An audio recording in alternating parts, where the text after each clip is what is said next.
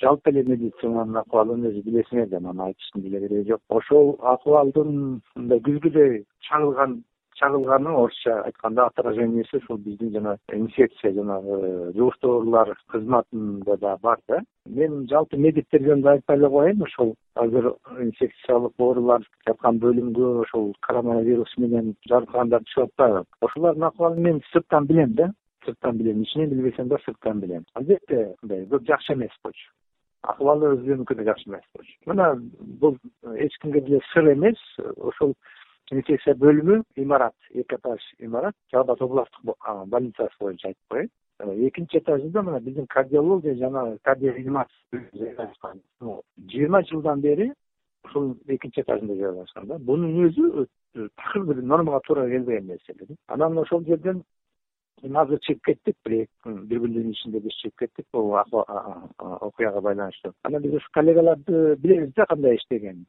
акыбал кандай? Анан мен аларды азыр доор ооругандан башка эч кандай жардам бере албайм сөз айта албайм да. Инфекциялык ооруларды дарылаган дарыгерлерди баягы бармак колдун э, баягы манжасы менен эле санаса болот деп айтып атышат да. Анан ушундай шартта башка профилдеги дарыгерлер да мобилизация болот да туурабы анда ооба маселе ошондо да мен э, ошол ошону айтып атпаймынбы мындай байкалбаган тармак болгон да булчу азыркыга чейин ал эми мобилизация дегенде элестетип көрсөңүз мына мен жүрөк хирургумун да кардиология кызматында иштейм да. Э, инфекционный ооруларга биз эч убакта жардам бере албайбыз да. Биз как мындай санитар катары медсестраны врач катары көзөмөлдөп ошо спецодежданы кирип алып туруп барып жардам берсек болот. Бирок бирок ал обеспеченген тармак биринчиден. Экинчиден мен айтып атпаймынбы өзүбүздүн оорулар калып калат да өзүбүздүн оорулар бизде кезекке туруп ушуну келип азыр эми мына карантин кирди ошол биз мен кейигеним азыр ошо жүрөк ооруларга мен кейип атам да чынын айткандачы ушундай акыбал болду да эми жана бияка тартсаң бутуң ачылат тияка тартсаң башың ачылат дегендей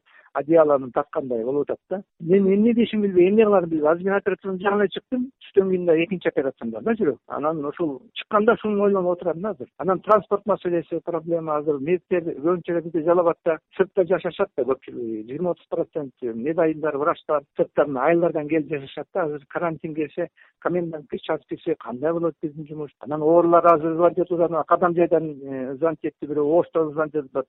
Э, срочно операция боло турган оорулар звонить этип атат да келе тургандар. Алар кандай болот? Мени ошол нерсе көп кызыгып турат. Ал эми жана инфекция албетте мамлекеттик деңгээлдеги маселе. Аны саламаттык сактоо тармагынын жетекчилери аны чечет өнүккөн өлкөлөрдө делечи аябай чоң проблема болуп атпайбы ошол медиктердин өзүлөрүнө жугуп да ким болот балким ошол тиги баары бир бир э, жугуштуу оору жуккан ооруну сөзсүз түрдө жүрөгү начарлайт же болбосо өпкөсү начарлайт же дагы бөйрөгү начарлайт. Баары бир кардиологду чакырышы керек болот урологду чакырышы керек болот жугуштуу оорулардын дарыгеричи анан ошол жерден э, мынакей өзүңүз билесиз кытайда жанагы эң биринчи ошол коронавирусту айтып чыккан дарыгер өзү окулист болгон да өзү каза болуп калып атат да ананчы ошол оорудан анан баягы башка адистер дагы каза болуп калып атпайбы. Ушундай бир коркунуч бизде ушунун алдын алыш үчүн баягы өнүккөн өлкөлөрдүн тажрыйбасын көрүп атабыз. Алдын алыш үчүн эмне кылышыбыз керек? Кантип баягы медиктерди коргошубуз керек? Ошол мындай жарандык коомчулукпу же бийликпи? Кандай кадамдарга барышы керек агай? Биринчи кезекте эми бул жерде парадоксальный бир түшүнүк да. Ооручуларды эмес ошо врачтарды коргош керек деген сөз чыгып атат да. Бул ушундай ситуация болуп калды. Чындап эле врачтарды азыр коргош керек кантип коргош керек? Атайын кийим менен баардыгы камсыз болуш керек. Анан мисалы үчүн менин кардиологум барып көрөм десе жөн эле маскасы менен кирип бара албайт да. Эми врач катары барбай да кое албайт. Анан жыжалаңач болсо халат менен жана маскасы жок э, очкиси жок кантип барып көрөт аларга ушундай маселелердин баардыгын мындай эске алып муну эки ай мурун үч ай мурун буга даярдык болушубуз керек болчу да. Эми мен анан кандай болорун мен азыр айта албай калдым да мен азыр ушунча мен тажрыйбалуумун деп эсептейм ушул уюштуруу иштери боюнча деле. Мен азыр элестете албайм да. Ушул окулист же башка адистер ошол жака барып кантип барып кирип чыгат? Аларды биз жуктурабызбы аларга анан кандай болот? Анын ичинде жанагы ошол именно инфекционный бөлүмдө иштеп аткан түнү күнү иштеп атышат да. Булар саны аз адистер да жүздөгөн миңдеген менин коллегаларым ушул жөнүндө ойлонуп атышат азырчы колунан келбейт бир нерсе берейин десең кийими жок болсо. Эмне кылабыз ушуну азыртан дагы убакыт бар да өкмөт ушуну эске алып туруп биринчи маселе врачтарды биринчи камсыз кылып алышыбыз керек. Анан ошол дыхательный аппараттарды койкаларды ооруларды киргизип жапкызганга